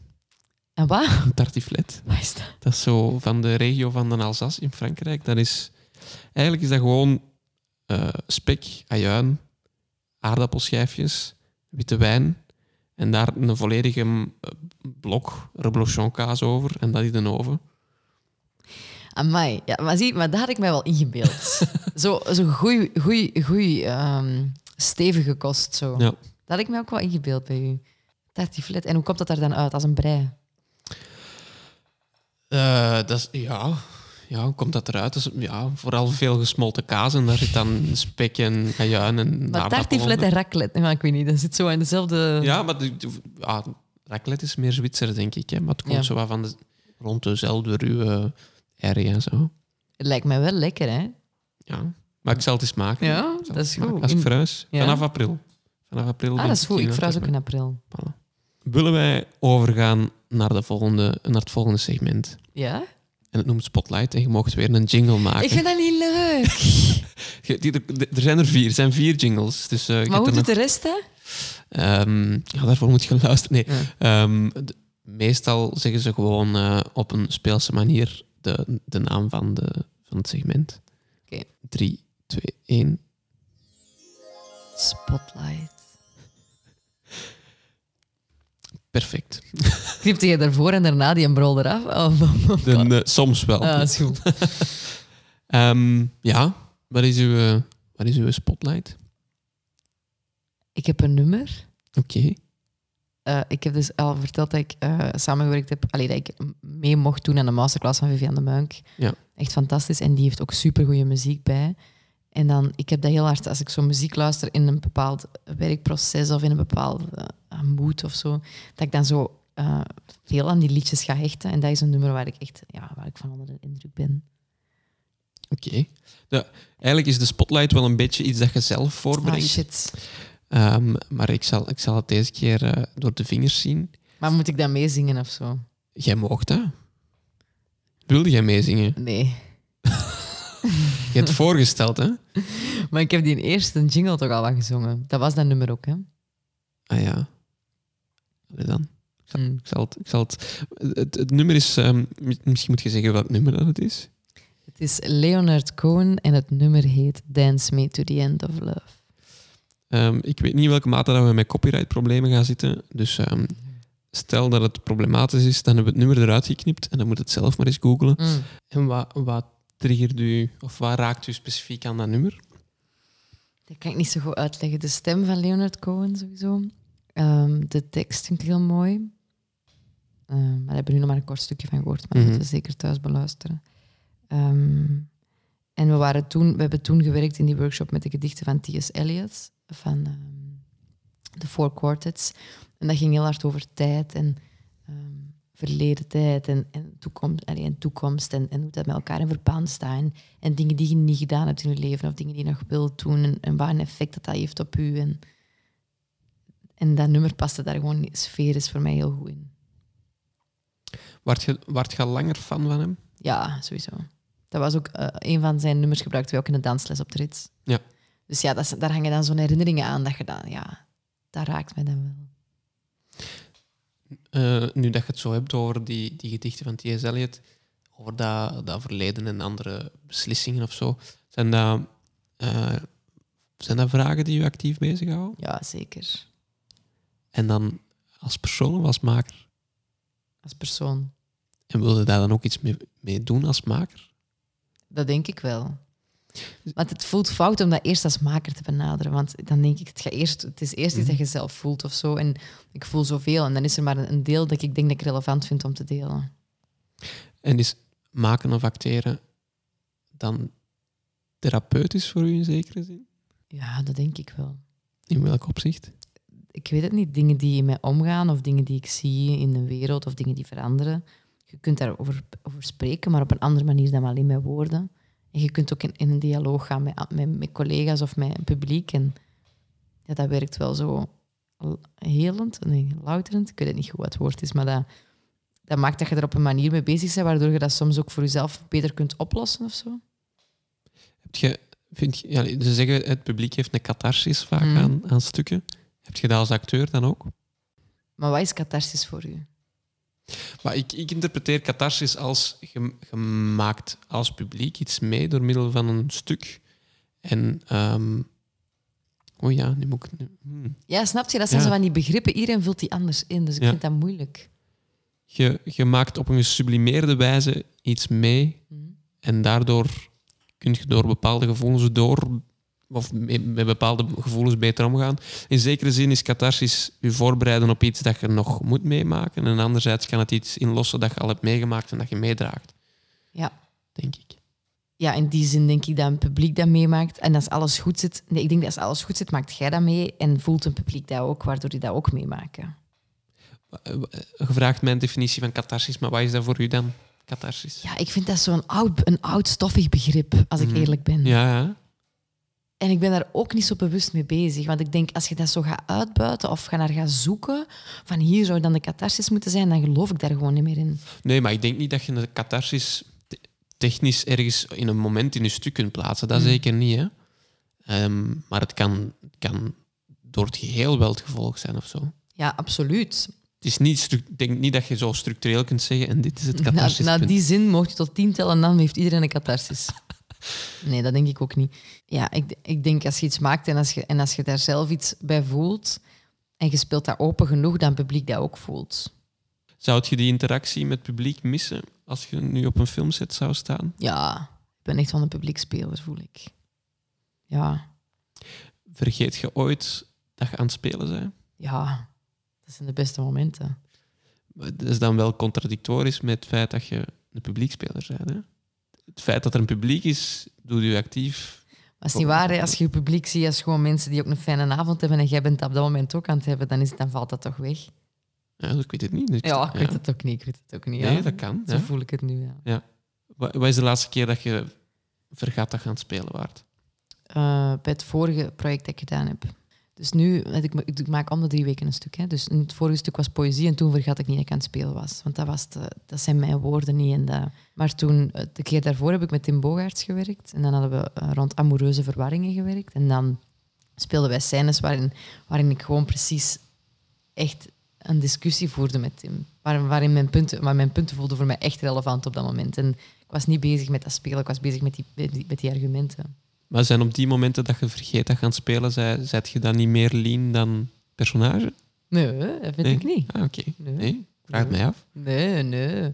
Want nee, dat vind ik niet. Want je, als je zo in een flow zit, dat gaat meer over een flow. Maar dat, kan in, dat kan in groteske of in, in, in dingen die heel dicht bij je aanleunen. Als je in een flow zit, dan vergeet je dat je aan het spelen zijn. Dat vind ik eigenlijk het beste. Je hebt ehm, niet zo heel veel ervaring met film, maar Nee. denk je dat je dat wel kunt bereiken in een film? Zo het moment dat je vergeet dat je aan het spelen bent? Ja, ik vraag mij dat af, hè, omdat, je dan, omdat ik het gevoel heb dat dat veel korter is, die, die blokken. Maar ik denk dat wel. Ik, denk dat je dat, ik, ik, ik kijk er naar uit om me daarin te trainen. Mhm. Ik denk dat dat fantastisch lijkt. Maar ja, ik bedoel, de, in de weinige ervaring die ik heb, heb ik dat ook al wel gevoeld. Ik bedoel, als je vertrouwd bent in iets en je, je bent gewoon zo zeker van de inhoud van iets dat je aan het brengen bent, ja, dan vergeet je toch dat je aan het spelen bent. Ja, ik kan het mij moeilijk... Allee, ik, ik- het lijkt mij zeer moeilijk, hè? Omdat je... Er staat zoveel volk rond u. Ja, maar ja, in het theater zit er ook veel volk naar u te Ja, kijken. dat is hè. Dus er Maar zit meer volk in theater dan op een filmset, denk Ja. ik. Ja? Ja, een goed punt. Ja, ik vind het ook. Ja? ik neem het mee. Ja, dat is goed. Ehm, we, zijn, we zijn een beetje van onze spotlight afgeweken, maar dat mag perfect. Ah, ja. Wilt jij nog iets kwijt over uw, over uw nummer? Of eh, Nee, ik hoop dat mensen er naar luisteren. ja, dan, dan moeten ze verplichten. Ja, Anders de- mogen ze niet verder luisteren. Ah, dat is goed, dat is goed. Dan, dan gaan we de laatste jingle doen. Ja, kijk. En Korte pijn. dat is eh, het ding van de week. Het, het ding Het ding van de week. Oké. Oeh, ja, hier zijn we dan bij het ding van de week. Perfect. Ja? Ja, Het was mooi. Clara, hè? Clara. Ik vond dat nu niet echt Praat Clara. toch allemaal veel dieper in hun eigen... Ah ja, zo op die manier, dat is wel waar. Maar het, het, het begon een beetje zoals ehm Billy's en Mariette of zo. Daar- de Bart Pauw heeft Ah, daar ook zo'n een radio. verwijzing. zo, ehm zeg je de Clara-luisteraar, Lien? Ja, in de auto soms. Ja. Ja, zo klassieke muziek als je lang moet rijden, vind ik wel fijn. Naar welke radio luistert jij? Gewoon Stubru. geen eh, Minerva-fan Nee. als Antwerpse inwoner? nee, nee, nee. Studio Brussel. Dan blijf ik up-to-date over de hippe trends. Kikt je niet op zo van die vrijwillige bejaarden die de radiozender uitbaten? Nee, nee. Allee. Jij wel dus. Ik voel van wel. Nee, ik zet altijd als ik Antwerpen passeer, zet ik Minerva op. Gewoon omdat je, je hebt zo van die, ja, je hebt zo van die vrijwilligers die dan zo eigenlijk niet met die techniek kunnen omgaan en dan zo een plaat opzetten en die valt dan halverwege uit en dan laten die hun microfoon openstaan en dan... Oh, fantastisch. Ja, dat is wel fantastisch. En- Maar in Beers hadden dat vroeger. Hè. Dat heette ehm, Radio Remember. Dat was al lang failliet. Dat- dat- Je kon dan zo op open deurdagen zo zelf een liedje gaan aanvragen, maar dat was ook zo een marginaal... Ik mag dat misschien niet zeggen, maar zo'n marginaal kot die radio maakte. Dat was van... Er stond zo'n bak bier en iedereen was aan het roken. En dan tussen de soep en de patatten maakte die ook nog radio. Ik vond dat fantastisch. Maar ik luisterde daar wel niet naar. Zo, want ja, ik wil wel echt gewoon goede muziek luisteren. Dus ik kon niet zo Niels de Stadbater Ja, luisteren. Shit. Ehm, Maar ik vind de muziek van Minerva nog wel oké, maar dat is misschien mijn nostalgisch kantje dat daar wel aan vasthangt. Maar ook gewoon die, die reclameblokken. Ik weet niet of dat je dat al gehoord Maar ik, hebt. ik moet eigenlijk zeggen dat ik Minerva niet zo goed ken. Ah ja, maar dat is zo, dat is zo van die oer-Antwerpse, niet zo fantastisch opgenomen reclamestukken van... Allee, Jos, dan ben ik gisteren op een café geweest op de hoek en dan... eh, weet ik, allee, zo Doe heel... verder, doe Ik, verder. ik, weet, ik weet zelfs. Of ehm, je hebt er zo van... eh, ja, mevrouw Leemans is zo standaard. Hè, maar zo Ah ja. eh, een ander van... Nou denk ik van de wijk op de Tanijka in Schoten geflitst. En dan is daar reclame voor zo'n flits voor uw, voor uw oog, whatever. Bij, Mm. allee, ja, ik vind het fantastisch. Mm. Gewoon de reclameblokken op alleen al zijn fantastisch. dus wat, maar dat is misschien mijn guilty pleasure. Ehm, tof. Oké, het ding van de week. Ja, ja. Eigenlijk ging het daarover. Wat is uw ding van de week, Lien? Ik heb vandaag ontdekt... Ik vond dat wel iets fijn om mee te delen. Eh, ik ben voor mijn volgende stuk ga ik de Bijbel lezen. En Mhm. ik dacht, ik, ik ga een Bijbel kopen. Dus ik ben naar het leger des Heils geweest. Ik weet niet of je dat kent. Ja. En ehm, alles kost daar echt belachelijk weinig. Hè. Dat is eigenlijk fantastisch. Je moet daar veel, mensen moeten daar dingen gaan kopen, want gerecycleerd en alles is daar... Dat kost echt, dat is niet normaal. Dus ik had er zo wat theekopjes voor 10 cent en zo, kei tof. En toen had ik dus de Bijbel gevonden en die wou ik die kopen. En, maar er stond geen prijskaartje op. Dus ik zeg, ik vraag aan die mensen van... ehm, eh, excuseer, hoe- hoeveel kost, hoeveel kost dit boek? En die zo, was... ik zie niet van hier wat je vast hebt. Komt eens wat dichter. Ik zeg, ja. En ik laat zo zien. Ah, de Bijbel, die is gratis, zei juffrouw. En ik zeg, oeh. En dus dat, daadwerkelijk, die, de Bijbel is... En, en alle, het Nieuwe en Oude Testament mogen gratis meenemen. En het idee van, dat moet verspreid geraken. En ik vond dat zo schoon. Dat die zoiets hadden van, ja, we willen, we willen dat mensen de Bijbel, de Bijbel lezen. Dus wij eh, geven die gratis weg. Ja. ja, het leger des Heils, dat is, dat is, is dat katholiek? Ja.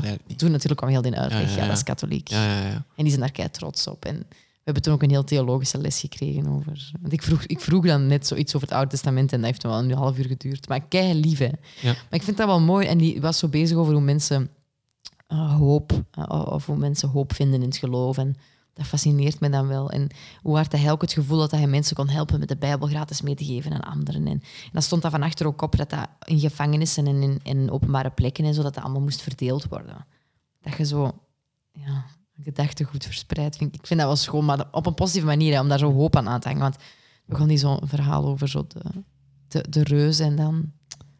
eh, hoe heet die andere? Zo, de reus en dan dat klein manneke, dat dat klein manneke dat van de reus wint. En dan zei hij zo... Goliath. Ja, ja. Want dan zei hij zo... Want ja, als een boekhouder binnenkomt en je kunt daarvan winnen, dan zit het toch hoop. Dan heb je toch veel hoop. Hè? Dan moet je toch gewoon blijven hopen. Hè? En toen dacht ik echt zo, yes. Oh ja, mooi. Ja, eigenlijk voor zo eh, voor, voor makers te zijn en verhalen te vertellen, is dat eigenlijk wel ergens, ergens verplichte literatuur. In die zin dat dat, dat zijn oerverhalen. Hè? Ja, dat vind ik ook. Maar ik vind het ook leuk om alledaagse dingen aan de slag te gaan. Maar nu dacht ik zo, nog eens een oerverhaal. Omdat die ver- mijn verbeelding gaat wel aan de gang dan. Omdat daar net geen beelden bij bestaan. Of toch niet echt realistische tafereelen. Ja, ik heb, ik heb ook een keer zo gedacht van, eigenlijk moet ik die lezen, maar dan ben ik daar direct Ja, ik snap wel dat je na drie pagina's denkt, ik ga iets anders doen. Maar toch, ik wil daardoor. En waar zit je nu? Maar nee, ja, we hadden er maar één en eh, mijn collega heeft hem deze weekend. Dus ik heb hem pas maandag. Ja, de, ge- de gedeelde bijbel. Mm. Ja. ja, dat is ook wel erg aangedeeld. Dat is er maar één. hè. Waar is de tijd dat je in elk hotel nog een bijbel laat zitten? Maar ja, Nou, nu is dat niet meer, hè? Ik weet dat niet. Hebben wij dat punt nog meegemaakt dat een bijbel uit een hotel is verdwenen? Ja, maar ik was vandaag wel. bij de dingen bij een ACV, de vakbond. En daar hing nog wel bijvoorbeeld, dat vond ik zo raar. Dat was dan zo'n keimodern gebouw en daar hing nog wel een kruisteken boven in het bureau. Ja. Dan denk ik, alleen, dat is toch iets zot eigenlijk. Hè? Ja, de C in ACV, hè? Ah, ja, dat is een kus- ah, ja. ja, dan nog. Maar dat was zo, ik weet niet, dat was ook een jonge gast of zo. Ik verwachtte dat daar niet van, dat het daar hing. Ja. Dus ik- dat fascineert mij wel. Het is wel interessant hoe dat, eh, hoe dat het non-geloof standaard is geworden. Zo, hè? Er is een heel grote omslag geweest, denk ik, in, in, in, in, in een generatietijd of zo. Niet? En wat bedoelde met non-geloof? Allee, of eh, het, eh, atheïst. Ah, zo, op die ja. manier. Ah ja, oké. Ja, wij zijn daar niet mee opgegroeid, hè. Dat is eigenlijk zot. Maar ik, vraag, me- ik vind dat wel... Ja. Heb jij als, als Kempenaar. Kempenaar niet nog uw communie gedaan? Jawel, Ah, ja. maar wat stelt dat voor? Dat is omdat de Ja, grootouders dat willen. Ja, ja. Dus ik ben daar eigenlijk... Nee. Ja, Misschien is dat deel van, van ons, eh ons Kempische kleinburgerlijkheid. Dat we... ja, ik kom er niet meer veel tegen. Ze die gedoopt zijn. Nee, nee, Hier in de stad is dat allemaal niet meer zo. Ja. Maar Ik vind het wel fascinerend omdat het ook zo'n schone kant heeft. Ik vind, ik vind kerken wel heel interessante gebouwen. Hm. Los van, los van... Ik weet niet of ik een mis nog schoon kan vinden. Maar zo... Ja, ik weet, maar dat is ook mijn geschiedeniskant die dan zo Mm. prikkelt. Hè? Ah ja, maar tuurlijk. Ja, ja. Maar ik was even de link vergeten. Ja, tuurlijk. Dat is allemaal... Dat, dat zijn allemaal decors eigenlijk voor u. Heb je, ja, ooit de kerk van Westmaal gezien? Nee. Langs buiten wel. Niet Oostmaal, hè? Westmaal. Hè? Ah, shit. De Sint-Pauluskerk, hè? denk ik dat ze noemt. Ah. Wat een lelijk gebouw is dat. Ah. Dat is zo'n betonnen blok van Ah, nee, de jaren 60, durf ik zeggen. Zo. Oh nee, dat is, dat, is, dat, is zo, dat is zo... Nee, dat is geen kerk. Maar zo- zo'n zo, ja, zo'n oerkerk, zo, dat, dat, dat boeit me wel of zo. Ja. Ik weet dat niet, dat draagt veel verhalen mee. Misschien is dat ook weer ergens de, de verteller in mij die daar wild over gaat of zo. Wacht, hè, wat was uw ding van de week weer? Ik ben het kwijt. Ah ja, de Bijbel. Ja, dat, dit Of is, allee, de, de situatie rond de Bijbel. dat je dat dus gratis mocht meenemen in Heils. Ik vond, dat wel, ik vond dat wel... Ik was een weetje van vandaag, een paar uur geleden. En ik denk, ja, ik ga dat vanavond aan vertellen. Ja. Mijn, mijn ding van de week is... Ah, ehm, je hebt dat ook? Ah, dat ah, ja. ik tof. Ja, Ah, ja, weet ik veel. Ja, tof. Mijn ding van de week is minder spectaculair dan de vorige weken, maar het is, ehm, het is de kalenderfunctie van Google. Eh, ik, ben, ik ben daar recent... Ik, heb, ik ben ehm, samen met, met Jordan, die ook in de eerste aflevering zit, doen wij nogal vaak ehm, belichtingsjobjes tussen, tussentijds, tussen het regisseren door. We hebben nu zo'n gedeelde kalender gemaakt. En dat was zo aan een wereld die voor mij open ging, plots zo. Alleen ehm, heb ik eh, vorige week het, het onhandige van zo'n digitale kalender ontdekt, omdat ik ehm, per ongeluk de afspraak van vandaag een week ervoor Ah, ja, had geschoven. Ik wist dat. Dus het, eh, het, aan het anekdootje van de week is, ehm, ik stond vorige week vrijdag nogal gênant voor de Monty met al mijn materiaal. Eh, en dan heeft een vrou- mevrouw mij, ik weet niet wie, mij vriendelijk binnengelaten. Anne, Ja, het dat kan. gaat zijn, denk ik. Ja. Ja. En eh, ja, dan, dan bleek nogal gênant dat jij uiteraard, want je had me dat gezegd op workshop waard. En dan ga ik in mijn agenda kijken en dan, dan viel mijn frank van, ah ja, shit, verkeerde dag. Oh. Dat was, wel, dat was, dat was het gênant momentje van de week ook. oh, ik stond daar ook vol overtuiging, hè, want ik had heel mijn, ik, dacht al van, oh, mijn, dag, mijn dag is nu zo druk, er klopt iets niet. En dan stond ik daar en ik dacht van, ah, fuck. Ja, ik kon echt... En van Tielt, dat is anderhalf uur. Dat is ja, nee, niet direct... tuurlijk niet, ehm, tuurlijk niet. Dat had ik ook niet verwacht of zo, maar het was zo, ja. Och, arme. Eh, dus eh, digitale agenda's, positief, maar ook negatief. Ja, ik kunt beter pen- vertrouwen op pen en papier. Ja. Zeg jij nog zo iemand van de oude, van de oude stempel op dat vlak dan? Op sommige gebieden wel, ja, bewust. Maar agenda nu eigenlijk ook wel niet. Zeg jij, zeg jij iemand die to-do-lijstjes maakt? Ja, Op papier dan? of op mijn hand. Maar ik vind dat wel, omdat je als maker, vind ik dan zo...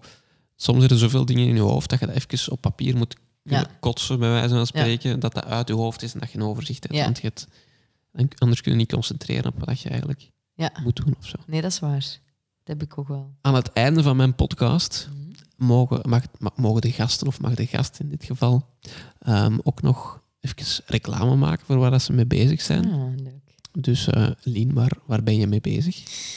Ik ben vandaag begonnen met een nieuw project, waarvoor ik dus de Bijbel ben gaan halen. Ja, Ehm, maar ik wil reclame maken voor, voor hetgeen wat ik nu aan het doen ben, en dat is de Montejaars. En eh, wij spelen dus om de drie weken in de Monty. En de volgende, dat heet dan Hit the Stage. Dat is zo'n avond dat er allemaal verschillende eh, theaterstukken of performances plaatsvinden. En dat de volgende is 3 april. Is dat een woensdag? Het is altijd op woensdag. 3 april is een woensdag. Ah, ja. voilà. Dus de volgende is 3 april om half negen in de Monty in Antwerpen. En dat zijn altijd leuke avonden, dus allen heel welkom. Oké, super. Ehm, waar kunnen mensen jou volgen of contacteren? Of, eh, Moet ik mijn gsm-nummer geven? Nee, nee, nee. nee. Ah. Dat, is- dat, dat, dat lijkt me nogal drastisch. 04 76 eh, 30. Nee, ehm, ja, ik weet niet. Je hebt zo mensen die nogal actief op hun socials zitten. Voor Ja, zo. ik ook wel zo. Ah, voilà. Ehm, ik zit op Instagram. Ja, Ik ben Lientje69. Oké. Dat, dat is geen grap, dat is echt. Ja. Ehm, dat is, daar zet ik eigenlijk de meest recente foto's op. En, en op Facebook, Lien Thijs. heb jij een, een, een acteerreel of zo. Nee, niet direct. Ik denk, dat, denk dat de mensen best gewoon aan de mond die komen en daar. Ja, of met mij iets gaan drinken. Maar Of voilà. om nu een reel voor te schottelen, daar ben ik geen fan van. Nee? Nee. Wa- wa- wa- waarom? Dat is zo'n best-of van mensen van hun eigen proberen geven in een minuut. Ik vind dat moeilijk. Ik moet nu wel zeggen, als regisseur kijk ik daar ook wel weinig naar. Omdat dat zo... Ik weet niet of het gangbaar is. Ik ben er gewoon geen fan van. Maar de- het is gangbaar in die zin dat veel mensen dat doen, maar ik- ja, wat kun je uit die minuut uithalen? Dat, ja, als acteur veronderstel ik wel dat je registers kunt, aan kunt of zo. Maar dat zegt... Alleen voor mij, een acteur of een actrice, het gaat meer over hoe dat je met de persoon kunt omgaan nog, dan dat je... Bon, ik veronderstel wel dat je kwaad kunt kijken als het moet en eh, blij kunt zijn als het moet. Maar dat is, Yes. zo- ja. Allee, Nee, maar ik heb er gelijk in. Ik vind dat ook, ik vind dat ook belangrijker of zo, denk ik. En ik denk in dat opzicht, met castings, ja, voor, voor, voor kinderen is dat interessant om te kijken van, eh, kun- kunnen ze omgaan met regieaanwijzingen enzovoort. Eh, maar bij, bij gevestigde waarden of eh, mensen die al langer bezig zijn, kun je dat wel doen voor te kijken of je, je beeld dat je op voorhand Mhm. hebt van je personage, hoe dat, dat tot leven komt met die acteur. Maar voor de rest denk ik dat dat vooral gaat over hoe praat je naast die casting over het scenario, over Ja. de personages. Maar versta me niet verkeerd. Hè. Ik ben wel echt... Ik vind, castings moeten er zijn en vind ik relevant. Het gaat voor Mhm. mij over een showreel. ja, ja, ja. Dat maar ik, ik was raar. even aan het, aan Ja. het uitbreiden. Nee, nee, maar je hebt daar gelijk in. Ik denk dat dat voor mij is. eh, een, ik denk, een casting vind ik relevant en de gesprekken vind ik relevant. Maar een best-of in een minuut op YouTube proppen vind ik niet relevant. Hoe, ehm, om toch nog, even, toch nog even een diepgaande vraag te stellen. Mhm. Hoe ervaart jij castings? Oeh. Ik vind dat heel eng. Omdat je maar heel kort hebt om, om... Ik heb het gevoel dat dat zo... Je moet op korte tijd echt laten zien dat je, dat je, dat je het waard bent. Of ik weet het niet, maar ik heb het al gerelativeerd. Ik denk dat ik... eh, Hoe ik het nu bekijk, denk ik gewoon... Het is een project waar ik aan wil meedoen en ik ga laten zien hoe ik ben en hoe ik speel. Of hoe ik denk dat je dat zou kunnen spelen. En dan zie ik wel of die regisseur denkt of dat erbij past of niet. Ja. Zonder dat persoonlijk te nemen. Maar castings is iets raar. Ik weet het niet. Ik, ben er ook nog niet, ik heb er ook nog niet genoeg gedaan om, om het echt ehm, om het in een overzicht te plaatsen. Soms vind ik het skei fijn. Overlaatst had ik een casting met Jan Matthijs en dat vond ik fantastisch. Want dan leer ik hem kennen en hij is fantastisch. Maar soms denk ik ook shit. Ugh. Het is altijd moeilijk. Je hebt, je hebt de, de acteur of de actrice en dan heb je de persoon. En ja, zijt je dan geïnteresseerd in de, in de actrice of in de persoon? Het is, Mhm. het is altijd zo wat... Ik denk dat het altijd een samenloop is van de twee, want uiteindelijk moet je voor een lange periode samenwerken. Mhm, absoluut. eh, ik denk dat als je haaks op elkaar staat, dat dat ook niet werkt. Tenzij dat dat misschien net voor die rol zo moet zijn of zo. Maar dan, dan zijn al heel psychologische spelletjes aan het spelen Mhm. voor een casting. Gaat jij los van de scène nog meer researchen of meer Ja. iets? Ja. Ja, maar dat doe ik met alles. Dat doe ik ook dat doe ik met, met alles. Dat, dat kan ook gaan over als ik, eh, als ik een gerecht maak met anchovies, dat ik denk, waar past anchovies nog bij? Ik even opzoeken waar dat nog bij lekker is. Dat doe ik gewoon sowieso. Ik ben een nieuwsgierig iemand, dus ik ga sowieso researchen over alles. Wat ik, ik weet niet, alles wat mij interesseert, zoek ik over op. Dus zeker mijn casting, als dat dan gaat over een gebeurtenis. Over, ik had een casting over ehm, een millennial, allee, zo het, het, jaar 2000. Ja, dan wil ik wel weten wat dat is. Ik was toen zo jong, maar dan wil ik wel weten wat dat is en zo, ja. Dat vind ik ook gewoon fijn. Maar dat zou, moest jij nu iets zeggen dat ik interessant vind, zou ik het ook straks opzoeken. Dus ja. Want je hebt, allee, je hebt acteurs die... Je hebt mensen waarmee dat je heel veel over iets moet praten en dat je heel veel rondcreëert dat er extra is. En je hebt er die zeggen van, klets, deze is de scène en meer, niet meer, niet minder of zo. ja, maar dat is ook een ding van dat terug achterwege te laten. Hè. Je kunt dat wel opzoeken, maar je moet het daarom niet betrekken. Hè. Mhm, dat, is waar. dat is waar. Maar ik denk, voor mij persoonlijk dan, hè, ik vind het als Mhm. regisseur heel interessant en dat is iets dat Violet met de casting bijvoorbeeld had gedaan. Ehm, ze kwam met heel veel randdingen af. Maar dat is ook, bon, het is een historisch project, dus dat vereist ook al wat meer research en dat. Maar, dat brengt een soort enthousiasme mee voor een project, waardoor dat je engagement eh, wel voelt. Alleen niet dat de, de andere castings daarvoor minder, minder waardig waren of zo, maar die... ehm, ja, dat is gewoon een, een, een... lijkt een eerlijke of een oprechte interesse gewoon in, in wat je gaat brengen. En dat raakt mij als regisseur Ja, persoonlijk. tuurlijk, Ja. tuurlijk. Maar dat is ook eerlijk. Ik kan me inbeelden dat dat, dat dat ook heel oprecht is. En dat je dat bij andere dingen bijvoorbeeld minder hebt. Maar als je, dat, als je je intuïtie daarin volgt en denkt van ja, ik, wil, ik heb dat en dat ook nog. En luister naar dit. Ja, dat dat heel, heel leuk kan zijn voor een regisseur. Ja. Omdat je nu zelf ook veel aan het schrijven bent. Mhm.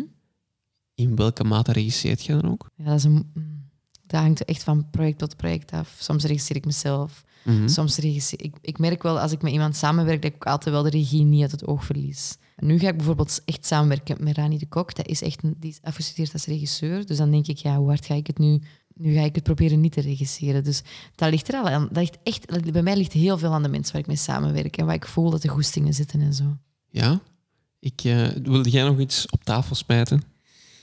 Nee, ik vond het heel gezellig. Dan gaan wij stilletjes afronden. Oké. En een jingle, denk ik. Wil er nog één? We kunnen er nog één. Allee, kom. 3, 2, 1, een jingle. Dit was het dan. Tot de volgende keer. Perfect.